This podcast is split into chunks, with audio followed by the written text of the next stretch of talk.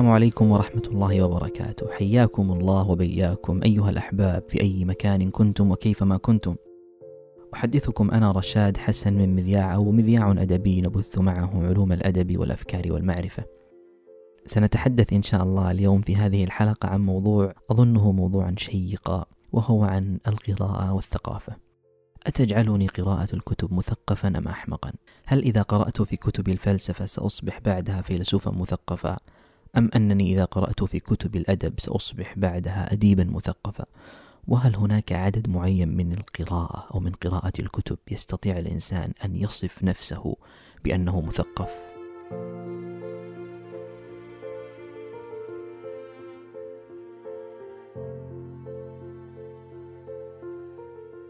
لأوسكار وايلد جملة شهيرة جدا في هذا الباب وهي فيما معناه أنه يستطيع القارئ أن يعرف أن هذا الكتاب كتاب جيد أو كتاب رديء في نصف ساعة لكنه إذا كان قارئا نبيها يستطيع أن يعرف أنه كتاب جيد أو رديء في عشر دقائق. فمن ذا الذي يود قراءة كتاب ممل؟ وأنا أشكر صراحة أوسكار وايلد على هذه الجملة الرائعة والرنانة والمميزة لكنني أظن أن الإشكال الذي ربما لم ينتبه له وايلد هي كلمة نبي وأظن أن العلاقة بين القراءة والنباهة علاقة وطيدة متجسدة متجذرة ومتأصلة فيها.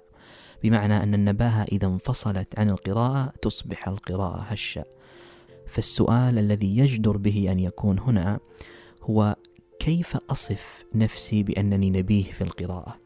كيف أستطيع بنباهتي هذه أن أقول أن هذا الكتاب كتاب سخيف أو هذا الكتاب كتاب جيد؟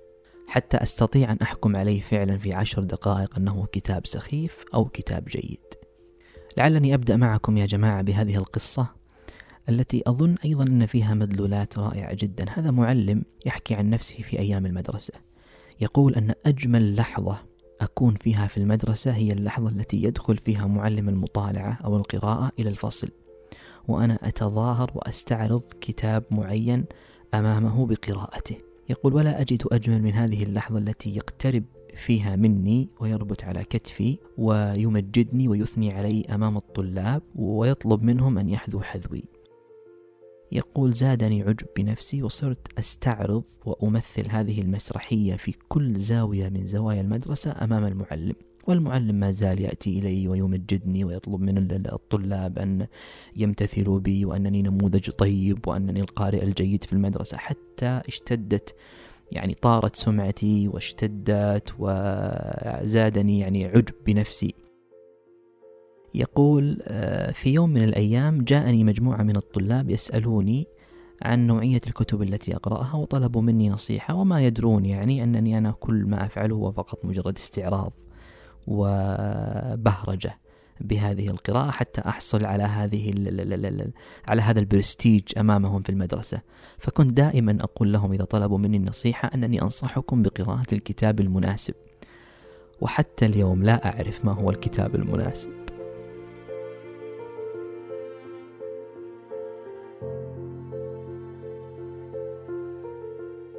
ولما ننظر يا جماعة في مدلول فعل القراءة نجد أن هذه المفردة تقلبت وتنقلت على مر التاريخ على أدوار كثيرة جدا ابتداء من قراءة الكتب الدينية وكتب المواعظ والحكمة حتى جاءت الثورات العلمية وتمددت وتوسعت الحقول آه، جميعها.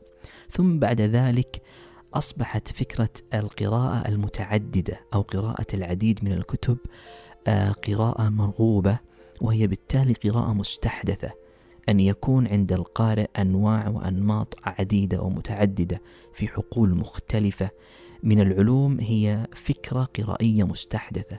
قديما كانوا يقرؤون يمتثلون فقط بقراءة الكتاب الواحد وغالبا هذه الكتب تكون هي الكتب الدينية.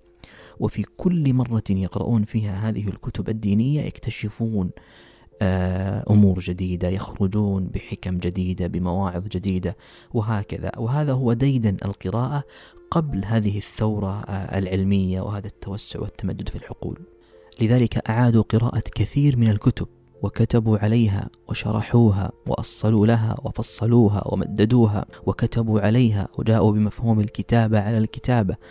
كل هذا فقط من أجل التفتيش في الكتاب الواحد.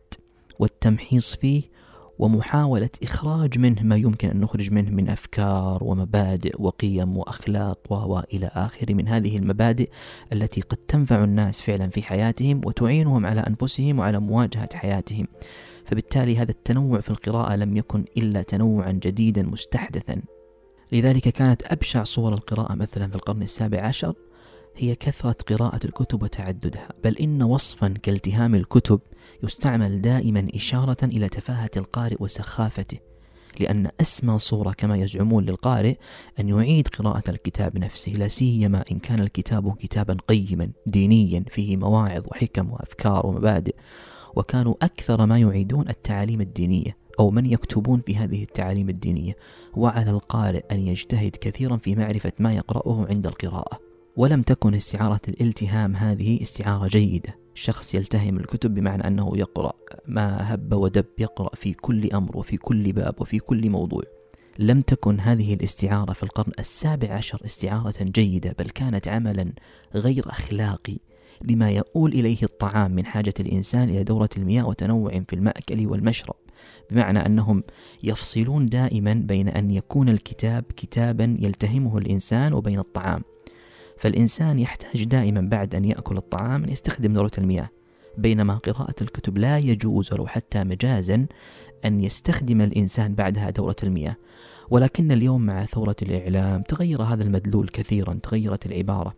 إلى شيء آخر تماما وأصبحت إلى النقيض نستطيع أن نقول. فأصبحت اليوم استعارة الالتهام استعارة مقبولة جدا ومرغوبة بمعنى أن هذا القارئ الذي يستطيع التهام الكتب يصبح نموذجا يحتذى به ويظن القارئ الذي لا يلتهم الكتب أنه قارئ فقير ولا يحسن القراءة ولا يجيدها بصرف النظر تماما عن مغزى القراءة ومدلولها. وفي هذه الاستعارة يا جماعة استعارة التهام الكتب طبعا هي لم تأتي من العدم بل هي كما يشار إليها أنها جاءت من إحدى المسرحيات أنه شخصية من الشخصيات أكلت آه، صفحة من الكتاب المقدس.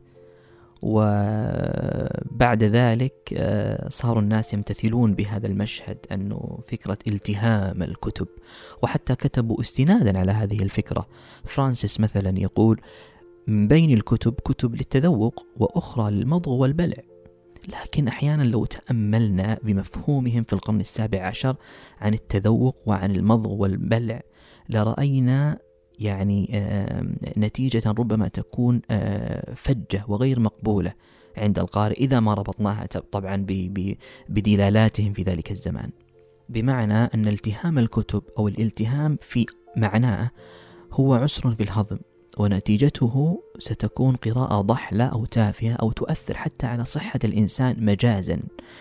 آه، جونسون أيضا في أحد مسرحياته جعل البطل يتقيأ تعابيره الجديدة والرنانة لأن قراءته كانت فظة ومتسرعة. ففكرة القراءة وسيطا للمعرفة كانت أصلا من أصول الثقافة في القرن السابع عشر بمنعها ومعزل تماما عن أي استعارة ربما تدخل عليها. لذلك مكنوا هؤلاء الذين يستطيعون تفسير النصوص وتحليلها واستخراج معاني منها آه، مكنوا مكانة عالية جدا في المجتمعات وخاصة المجتمعات المتعلمة. ومع تقدم الزمان قليلا بدأت تظهر صورة جديدة لأهل القراءة صورة الشهية والذوق. وقالوا أن الشهية هي علاقة بين القراءة والجسد. وقالوا أيضا أن الذوق هو علاقة بين القراءة والعقل وأعيد بعد ذلك قراءة الخطاب القرائي على أنه مسألة ذوق. وأصبحت القراءة الجيدة هي القائمة على العقل وسادت في المجتمعات المهذبة والمتعلمة. أما أولئك الذين كانوا ينظرون إلى القراءة على أنها اشتهاء والتهام كانوا منبوذين في هذه المجتمعات. لكنك لو تأملت اليوم في سياق العالم الاجتماعي كله لوجدت أن مثل هذه الأفكار بدأت تعود ثانية وعادت مثلا فكرة الاستهلاك والشهية وارتبطت كثرة قراءة الروايات تحديدا بالالتهام لأنها أصبحت رمزا للسوق الأدبي الذي يمكن مضغه وبلعه وهناك حتى من وصف هذه القراءة قراءة الروايات بأنها قراءة تغذي هذه المعدة الفارغة. وهذا الوصف طبعا آه، يعني لا ينظر إليه على أنه آه، وصف يعني يبخس القراءة حقها بل إنما وصفت هذه يعني هذا الوصف إنما هو تمجيد لهذه القراءة بأنها تغذي هذا الإنسان المتعطش إلى هذه المعرفة. لكن تأملوا معي كيف تغير السياق نفسه كيف أنه في القرن السابع عشر كان ينظر إلى فكرة الالتهام على أنها فكرة آه، بخيسة لكن اليوم لا ينظر على أن فكرة التهام الكتب فكرة ثقافية عالية جدا لا يستطيع أي أحد أن يصل إليها. ولو عدتم معي قليلا يا جماعة إلى عصر الرومانسية وفتشتم فيه لوجدتم أن هناك فرق شاسع جدا بين المدلولين مدلول الالتهام ومدلول الذوق مدلول الجسد ومدلول الشهية. فارتباط الشعر مثلا بالذوق في عصر الرومانسية كان ارتباط رجولي لأن النساء لم يكتبوا الشعر في عصر الرومانسية بل حتى ما استطاعوا ما جسروا وما جرأوا أن يكتبوا الشعر لأنه خاص بالرجال دون النساء. فماذا فعلوا النساء في ذلك الزمان؟ قرأوا الروايات. وكان وصف قراءتهن للروايات على أنها استهلاك والتهام بمعنى تشويه لسمعتهن لا تمجيدا لهن. فما كانوا النساء في عصر الرومانسية يقرؤون الشعر ولا يكتبون الشعر بل كانوا يقرؤون الروايات ويكتبون الروايات. طبعا برع منهم كثير. لا سيما جين أوستن مثلا برعت وهي يعني كاتبة في عصر الرومانسية لكنها برعت كثيرا لكن السياق الاجتماعي الذي كان ينظر إليه في ذلك الوقت كان سياقا مخالفا تماما لفكرة الالتهام اليوم.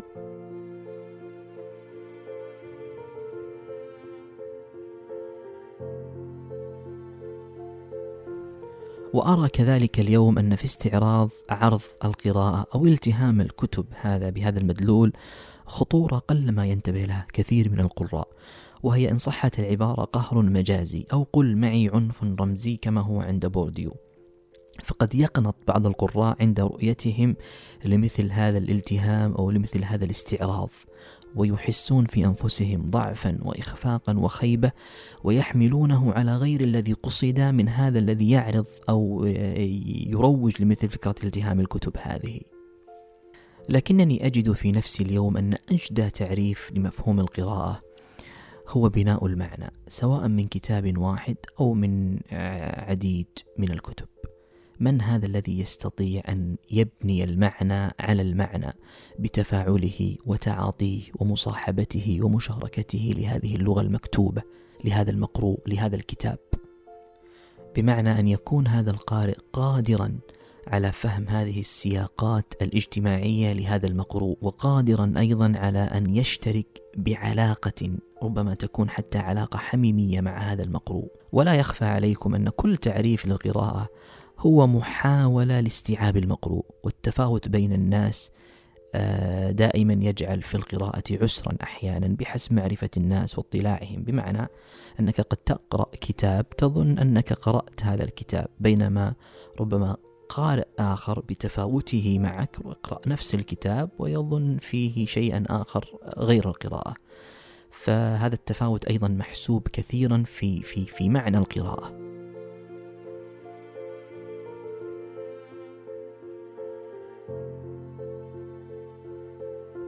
لكن إذا نظرنا إلى القراءة دائما في سياقاتها الاجتماعية الثقافية ولما أقول في سياقاتها الاجتماعية الثقافية أقصد في كل ما يمكن أن يتشكل منها من الكتابة والتحدث والاستماع إلى فعل القراءة نفسه.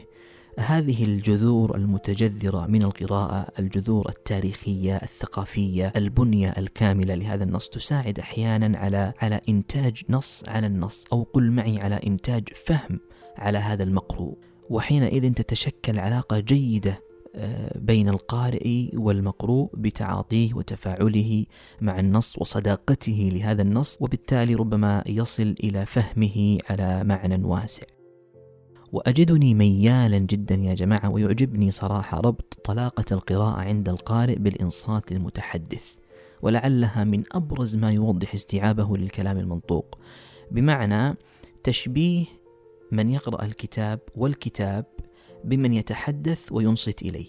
بمعنى أن في هذه اللغة واستعمالاتها المختلفة ونغماتها ومخارجها عند المتحدث آه، مقارنة ومضارعة كبيرة جدا بين الكتاب والقارئ وهما المتحدث والمستمع. فكأن الكتاب الآن في جموده يتحدث إليك وأنت أيها القارئ تحتاج إلى أن تصغي آه إلى هذا الكتاب.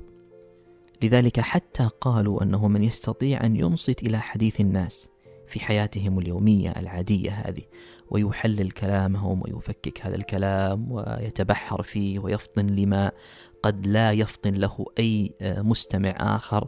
هذا ربما تكون قدرته على تفكيك وتحليل المقروء نفسه أعلى من هذا الذي لا يستطيع أن يفطن لكثير مما يأتي في كلام الناس. فتخيل مثلا أنك تستمع إلى طفل يتحدث بصوت مرتفع. وأنت تحلل كل كلمة وكل جملة يقولها وتعرف متى آه، توقف متى استمر متى همس. وكأن في هذا الانخفاض والارتفاع والهمس مثل ما يحدث في علامات الترقيم للغة المكتوبة. فقدرة هذا الإنسان على تفكيك هذه اللغة المنطوقة عند هذا الطفل هي تماما مثل قدرته على تفكيك هذه اللغة المكتوبة على الورق. فحتى هذه اللغة المكتوبة على الورق هي لغة لها صوت. هي لغة آه، يعني آه، محسوسة. آه، لغة وإن كانت لغة جامدة لكنها لغة إن خرجت إلى الحياة الفسيحة ربما يكون لها صوت. إن مثلت يكون لها صوت إن لحنت يكون لها صوت. وقد يكون صوتها أعلى حتى من صوت هذا المتحدث الذي يتحدث في الحياة الواقعية.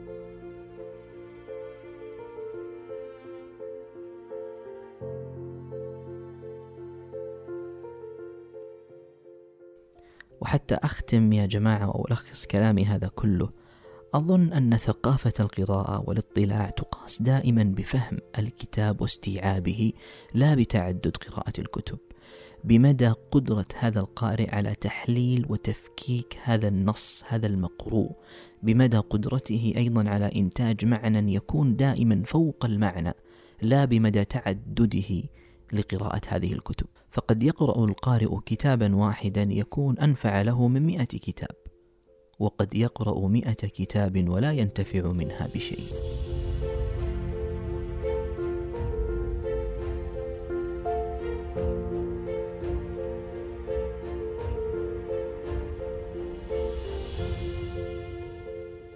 أحدثكم أيها الأحباب في موضوع أدبي آخر. أنا رشاد حسن. إلى اللقاء.